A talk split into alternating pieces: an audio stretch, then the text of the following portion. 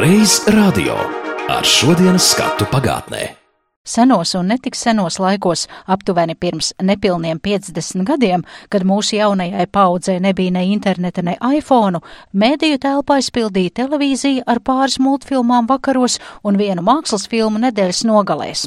Taču gan tajā pašā televīzijā, gan arī radio bija daudz raidījumu domāti dažāda vecuma maziem un jauniem cilvēkiem. Pašķirstot pagājušajā gadsimta 60., 70. un 80. gadu radioprogrammu, lasām Jāņonkols piktojas, radiožurnāls oktobrēniem Tuk Tuk Tuk, pionieru radioavīze, atbildam jums kā pēcīši, caur likuma prizmu, trešais tēva dēls, zeme, pa kuru es staigāju. Un tā vēl varētu turpināt šo sarakstu. Bet šajā reizē iepazīsim tuvāk kāpēču raidījumu veidotājus un uzzināsim, cik un kādi korespondenti tolaik bija bērnu un jauniešu raidījumiem. Es visu laiku esmu bijis raksturošais žurnālists, tikai retu reizi gāju pie mikrofona, jo man mikrofons likās kā čūska. Es tikai rakstīju un tekstus devu diktoriem vai aktieriem. Tā stāsta Jānis Gulbis, ilgadīgs radio bērnu raidījuma redakcijas redaktors, un viņš tiek dēvēts par mūžīgo kāpēci, jo raidījumu atbildam jums kāpēcīši ir veidojis un vadījis 38 gadus, un viņa pūrā ir vairāk nekā 400 šo raidījumu. Taču kāpēču idejas autore bija radiorežisore Anastasija Stepulāne. Un viņa teica tā, reiz man ienāca prātā, ka vajag bērniem raidījumu, kāpēc par to un to un to, un es domāju, ka vislabākā no bērnu raidījuma redakcijas redaktoriem ir Mārīta Romāna, es gāju pie Mārītas Romānas, un mēs ar Mārītu Romānu vienojamies un precizējām, visu izdomājām un izveidojām raidījumu atbildījumus kāpēcīs. 1967. gada 24. martā pirmo reizi Rīgas viļņos pieminēts raidījums atbildam jums kāpēcīs.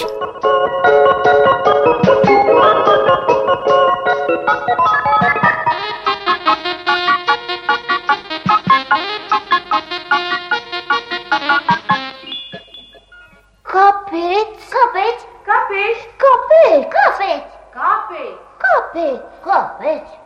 Mārīta Romāne bija gan radio bērnu un jaunatnes redakcijas redaktore, gan paralēli tam izpaudās arī kā literāte, rakstot stāstus, raidlugas un aprakstus. Pēc divu gadu kāpēču veidošanas, proti 1969. gadā, viņa stafeti nodeva Jānim Gulbim.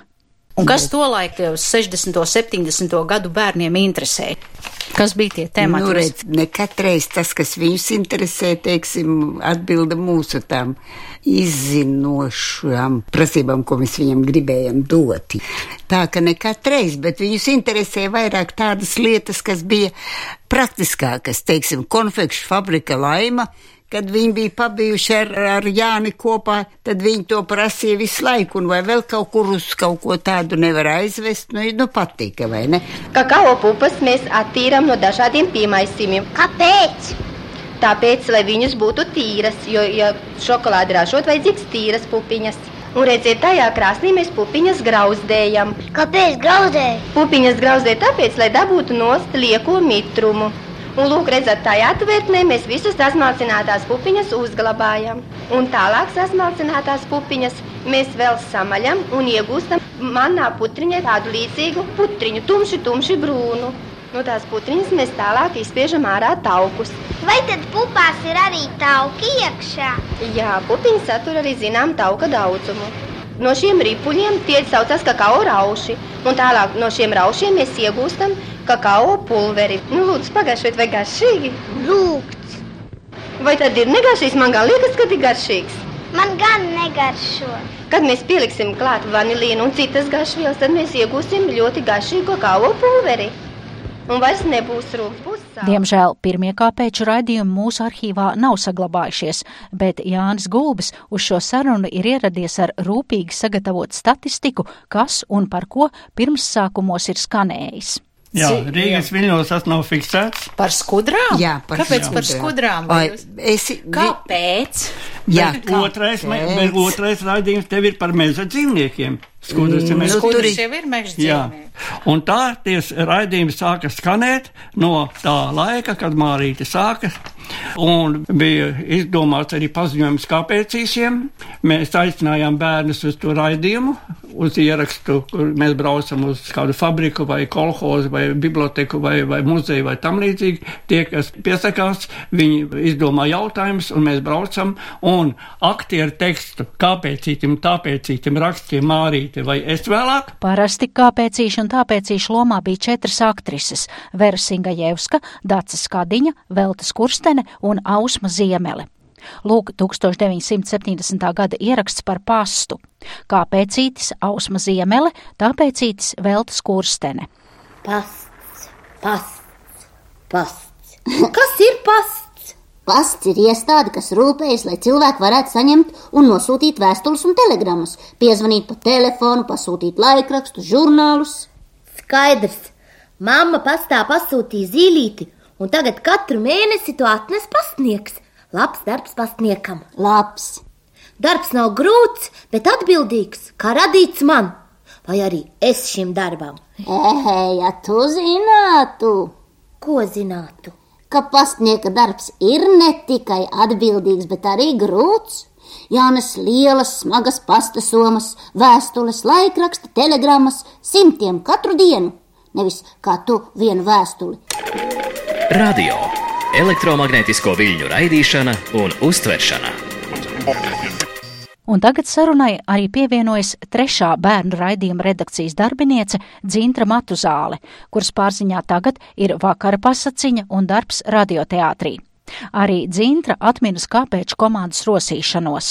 Ļoti interesants bija tieši pats paziņojums kāpēcīšiem, jo dažas dienas pirms tikšanās, tad, kad Jānis vai Mārīt ved bērnus uz zināmu objektu, tika pa radio izsludināts šis paziņojums, ka mēs gaidām kāpēcīšus tajā un tajā vietā, pulksten tikos un tikos, parole kāpēcītis. Atceries, Jānis, tā bija. Jā. Jā, un reizēm bija tā, ka bērnu sanāca tik liels skaits, ka mums pat autobusā vietas nepietika. Dažreiz Jānis ar bērniem tāpat ar tramvaju nokļuva attiecīgajā vietā. Nonāca pilnīgi dramatiskās situācijās. bija raidījums par autobusiem. Rīgā bija autobusu fabrika. Un paziņojums, kāpēc šiem ierasties pie Latvijas rādio. Tepat sanāca tik daudz bērnu, autobusu piebāzi pilnu, sēdvietas un stāvvietas aizņemtas. Vecāki tik enerģiski, cits paņēma taksometru, cits ar tramvaju. Mēs visi braucām uz autobusu fabriku. Es biju tādā ķēpā ieķēpājies, jo to kāpēc rinda bija milzīga. Un es ar mikrofonu priekšā, inženieris priekšā, 4-5 kāpēcīs, kas var pajautāt, un man tik, tik nobrīdināja, ka nekur nepielieciet rokas, visas mašīnas tur ripo, riņķo un mašīnas strādā, un mēs gājām pa to rūpnīcu riņķī un apkārt, un jautāja tikai tie pirmie kāpēcīši, un inženieris stāstīja, un atteikumā pateica, raidījumiem piedalījās stāstīt tas un tas, piedalījās tādi kāpēcīši, un citi vēl daudzi. Kurš no jums atceras, nu, bērni ir bērni, un kā toreiz tādos padomu laikos jūs tikāt galā to, ja viņi pēkšņi uzdeva un varbūt jautājumu, kas varētu samulsināt vai bija kaut kādā veidā pretrunā ar pastāvošo iekārtu? Nē, nē, Man tā nekad nav bijis. Nekad bijis. Pretvalstiski jautājumi bija tikai tādi. Es prasīju, kāpēc viņiem par ko taisīsim. Par apelsīniem. Es saku, nu, tad brauksim uz Spāniju. Jā, brauksim uz Spāniju. Es saku, nu, sagādājiet biļetes, brauksim. Tad par banāniem. Jā, par banāniem labi. Brauksim uz Kubu. Sagādājiet biļetes, vai uz citur ietu. Un par desām. Par desām bija visu laiku par desām. Padomu laikā desas tas bija ļoti reti veikalā parādījās. Un kāpēc bija par desām? Nē, Un tad es- bērni jautāja par jā, desām. jā, prasīja, iesaka raidījums. Un tad es meloju, jo es zināju, cik desas fabrikas ir, atvainojos, šmucīgas. Jā. Un es negribēju bērniem rādīt visu to virtuvi, kas tur notiek. Un tad es teicu, lai gan man gribējās, ka bērni aiziet un taču viņus pacienāt ar desām mājās, taču viņi tā ne, nedabūtu. Un es, kā saka, izlikos stāstīju, ka ir aizņemti, ka nevar, ka tad kaut kas tam līdzīgs. Un arī neatkarības laikā arī par desām Bet bija raidījums arī par desām. Bija? Jā, bet tas nebija kāpēčiem, tas bija raidījums par ko kļūt, kur um, es gatavoju sižetu par to, kā mācās nākamie pārtiks tehnologi. Un tad es tiešām biju Rīgas gaļas kombinātā, un es redzēju visu to, ko Jānis stāsta. Tie bija lielāki bērni. Tas jau bija vidusskolēniem, par jā, ko kļūtu, jā. lai Jā. ievirzītu uz Jā. nākamo Uz profesiju, jā. Un ko toreiz ēterā, vai tu stāstīji visu to, ko tu tur redzēji? Es nestāstīju to, jo tad, kad mēs ar pārtiks tehnoloģiju iegājām desu cehā, kur meitenes apgūšo profesiju, pirmais, ko es redzēju, bija tas, ka viņas bija paņēmušas gaļu, nu kā bērni kādreiz dara, met tās gaļas pikučus vien otrē. Un tehnoloģija, protams, bija ļoti tajā brīdī tādā situācijā, ka nezināja, ko teikt, bet nu ko tad tur daudz, tur neko arī nestāstīs taču par to, kas notika. Bet nu tā tad arī tāda gadījuma bija. jā. Problēmas bija tādas, ka Rīgā fabrikās inženieri, vadītāji lielākoties bija krievi. Un tagad es prasu latviešu inženierus. Latviešu inženieri parādījās, katrā rūpnīcā bija latviešu inženieri, bet viņi runāja tik kokainā valodā, viņiem dokumentācija viss fabrikā bija krieviski, un viņiem bieži vien spruka teikumi krieviski. Un tad es liku atkārtot, pasakiet lūdzu to vienkāršāk, pasakiet citādākiem vārdiem, jo man bija kauns viņiem aizrādīt, kas ir jālabo. Tā es izgāju sveikā, un vienreiz gadījās pavisam traki. Taisījām raidījumu par stērkociņiem. Rīgā ražoja arī stērkociņus. Sarunāja inženieri stērkociņu cehā, mēs aizbraucām tur. Izrādās, ka tas inženieris Latvijas ir aizsūtīts komandējumā. Es saku, nu dodiet man kādu citu inženieri. Nav Latvijas valodas platēja stērkociņu cehā. E, Iedosim vienu citu inženieri, bet viņš neprot latviešu. Ko nu? Tad es izdomāju tā, pasauciet vienu latviešu puisi, tādu enerģisku, kurš labi runā latviešu, un inženieris stāstīja krieviski, tas tulkoja latviešu, un tā mēs ierakstījām, un tā inženieri krieviskā balss neskanēja, bet tā puisis balss skanēja, bet raidījums par stērkociem no izskanēja. Bet cik garš ir skaliņš? Skaliņš ir 47 mm garš. Kāpēc tieši tik daudz? Kāpēc nevarēja būt pusmetru? Tad jau to nevarētu ielikt kabatā. Sērkociņa garums ir tieši tāds, lai paspētu aizdedzināt vai nu krāsni, vai nu gāzes plīti. Lai neaizdedzinātu pirkstus. Jā, lai visu pagūtu. Cik tad īsti tam sērkociņam gadu ir? Tātad jūs varat pārreikināt paši. Pirmie sērkociņi radās 1833. gadā, un no tā laika sērkociņu fabrikas sāka būvēt visās zemēs. Sērkociņi vēl ilgi būs nepieciešami katrā mājā, tikai jums kāpēcīši no tiem tālāk. Var apdedzināt pirkstus. Un ne tikai pirkstus, arī māju var nodedzināt. Turpinot skatīt tuvāk citus bērnu raidījumus, populārs bija arī Burtiņš un Zilbīte, kas iepazīstināja ar bērnu literatūru un reizums ielūkojās arī skolēnu mācību grāmatās, kā piemēram šajā Raita Kalniņa veidotajā 1971. gada ierakstā. Grāmatā, burtiņš tur, burtiņš te, skatu iznāk zilbīte, zilbīte pa zilbītei, skat jau apaļš vārdiņš skrēj, vārdiņš, vārdiņš teikumiņš, ak, cik labs ir veikumiņš. Es sarunājos ar Rīgas Viļa Lāča 31. vidusskolas skolēniem. Tātad, kādas tad ir jūsu grāmatas un burtnītes? Varbūt paskatīsimies.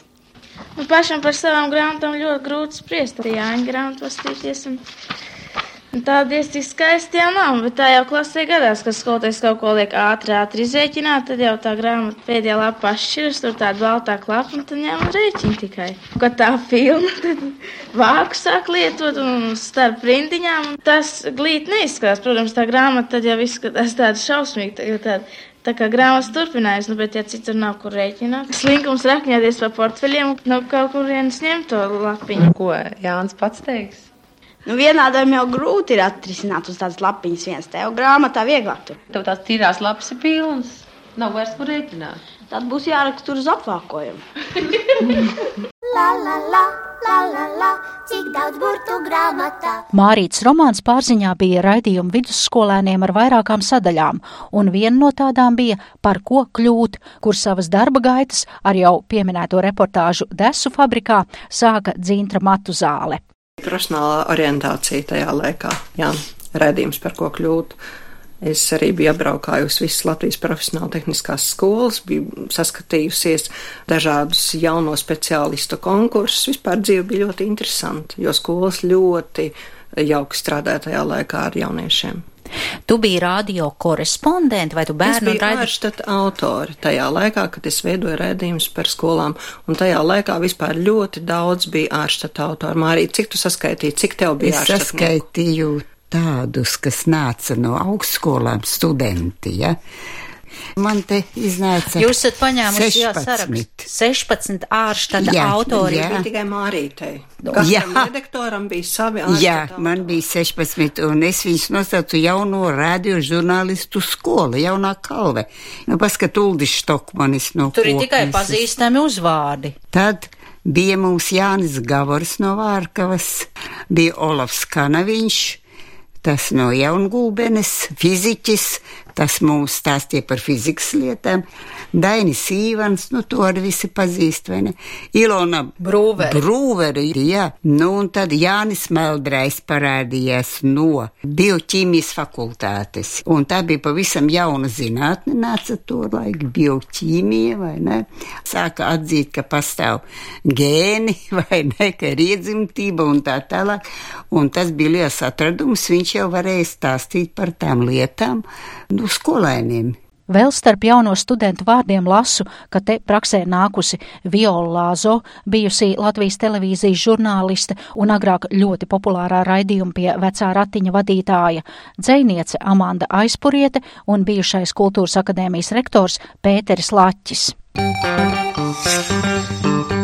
Reiz radio ārštata korespondenti brauc, kā tu teici, uz ārodskolām un veic ieraksts. Kāda tolaik bija to skolēnu attieksme, ka viņi ierauga jaunas meitenes ar milzīgu tolaik ierakstu kasti un mikrofonu? Tā attieksme. Attieksme bija ļoti, katrā ziņā es jūtos ļoti lepna, ka man ir tāds magnetofons līdzi. Bet Tas es nekad nekas, nejūt... ka 5 kg vairāk. Nu, bija jau smagi. Bet uh, jauniešu attieksme bija ļoti laba, un es vispār uzskatu, ka jauniešiem raidījums tomēr jāveido ar jauniem cilvēkiem, jo tikai viņi zina, ko pavaicāt tai jaunatnē. Jo šodien es nekad vairs nevarētu veidot raidījumus par profesionālo izglītību. Nu, nevarētu, lai gan tā pieredze ir liela un, un it kā dzīves pieredze liela, bet uh, man arī šodien ir prieks, ka mūsu piektais kanāls 5LV jaunieši, tad, kad viņi uztais kādu sižetu par jauniešiem, un tas izskan pirmajā kanālā, cepuri nost. Arī man ir interesanti par to paklausīties. Jā, bet profesionāli tehniskajās skolās mācījās ļoti daudz gudru jauniešu. Vai viņi jutās lepni, ka viņus uzrunā no radio? Viņi viņas... jutās gan lepni. Tad jau arī neviens nevaicāja, no kur radio tu esi. Nu, viens radio jau mums tikai bija, un ja tu no radio atbrauci, tad tas bija liels gods runāt par radio. Un Tā bija zelta ādere. Viscaur, kur tu brauc, mums atklājās zelta ādere, vai ne? Un turklāt pēc tam, ka jau tu tur reiz esi bijis, tad visi to raidījumu arī klausījās. Uzreiz nāca vēstules. Līdz ar to arī, teiksim, radio pēcpusdienā un uh, pionieru radio avīzē daudz, kur mēs varam lasīt skolānu vēstules, kas kurā skolā notiek. Šodien pirmā ceturkšņa pēdējā diena un skolēni šodien saņem liecības. Iegriezos Rīgas Zendes Ozols 5. vidusskolā un pavērsim 12. telpas durvis. Liekas, aiz eh, šīm durvīm atrodas 5. B klase. Tātad jūs redzat, ir kvadrātiņi, un kvadrātiņā ir skaitļi. Es vakar saskaitīju visus jūsu atzīmes kopā, astoņos priekšmetos. Un lūk, šeit jūs redzēsiet rezultātus. Pirmo vietu dala Jaunpuce un Jēkabsona. Tas ir mūsu labākās skolnieces klasē. Teicamnieki, jūs jau paši zināt, mums šoreiz nav. Otrā vietā ir Klauča, Lazda, Majore, Ratniece un Strode. Mēs šo ceturksni strādājuši neesam pārāk slikti, bet varēja vēlēties tālāk no viduvējības bet atgriežoties pie tā laika raidījumiem skolēniem, uzskaitījumu sarakstu turpina Jānis Gulbis. Tad bija par profesijām. Mana nākamā profesija Tad bija jums vecāki. Tad bija aprakstījumi par citu republiku bērniem. Tas bija mans izgudrojums, jo es gribēju braukt komandējumos, un man arī iedeva komandējumus braukt uz citām republikām, rakstīt par labiem bērniem. Iedeva man komandējumu uz Kaukāzu, es izbraukāju visas Kaukāzes republikas, Grūziju, Armēniju, Azerbaidžānu, katrā republikā sameklēju bērnus. Viņi pastāstīja, ko viņi labi izdarījuši. Tad caur likuma prizmu bija viena gada caur likumu prizmu par to, ka bērni daudz pusauģi un, un bērni pārkāp likumus un kādi sodi gaida. Tur juristi uzstājās, un otru gadu bija temīdas svaros, arī apmēram par to pašu tematu. 1972. gada nedēļas izdevumā Rīgas viļņi lasām par raidījuma caur likuma prizmu vēstuļu apskatu. Klausītājiem bija jāsniedz rūdim padoms, kā rīkoties ar loterijā laimētu šujmašīnu, vai rūdim ir tiesības pašam saņemt laimestu. Kā liecina vēstules, klausītāja domas šajā jautājumā dalās. Vieni ir pārliecināti, ka rūdim ir tādas tiesības, citi turpretī šo noliedz. Taisnība ir tiem, kas domā tāpat kā skrīveru Andreja Upīša vidusskolas 11. klases skolniece Lidija Uzule, kura uzskata, ka rūdim ir tiesības pašam saņemt laimestu. Bet pareizi piezīmē Lēdurgas astoņgadīgās skolas 7. klases skolniece Laimdota Janitēna. Rūdim par šo jautājumu ir noteikti jāprunājas ar vecākiem. Reiz radio. Vai mazie un jaunie radioklausītāji bija čakli rakstītāji, vai tā interese par tiem bērnu un jauniešu raidījumiem, kā jūs vērtējat, cik liela bija? Kas Kaspar kādreiz bija 140, 150 vēstules. Uz vienu raidījumu? Uz vienu raidījumu. Mums bija tā, Jānim, tur, kur viņš sēdēja pie galda, aiz muguras bija liels ziņojuma dēls, un kā atnāca vēstulīt, tā Jānis vienmēr to vēstulīt piesprauda, lai mēs visi varam izlasīt.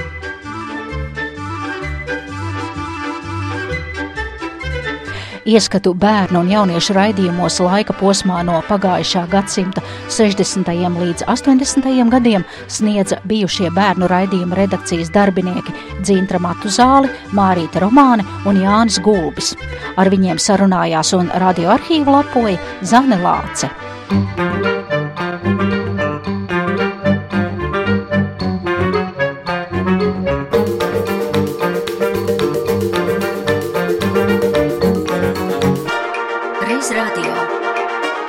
Reiz radio ar šodienas skatu pagātnē.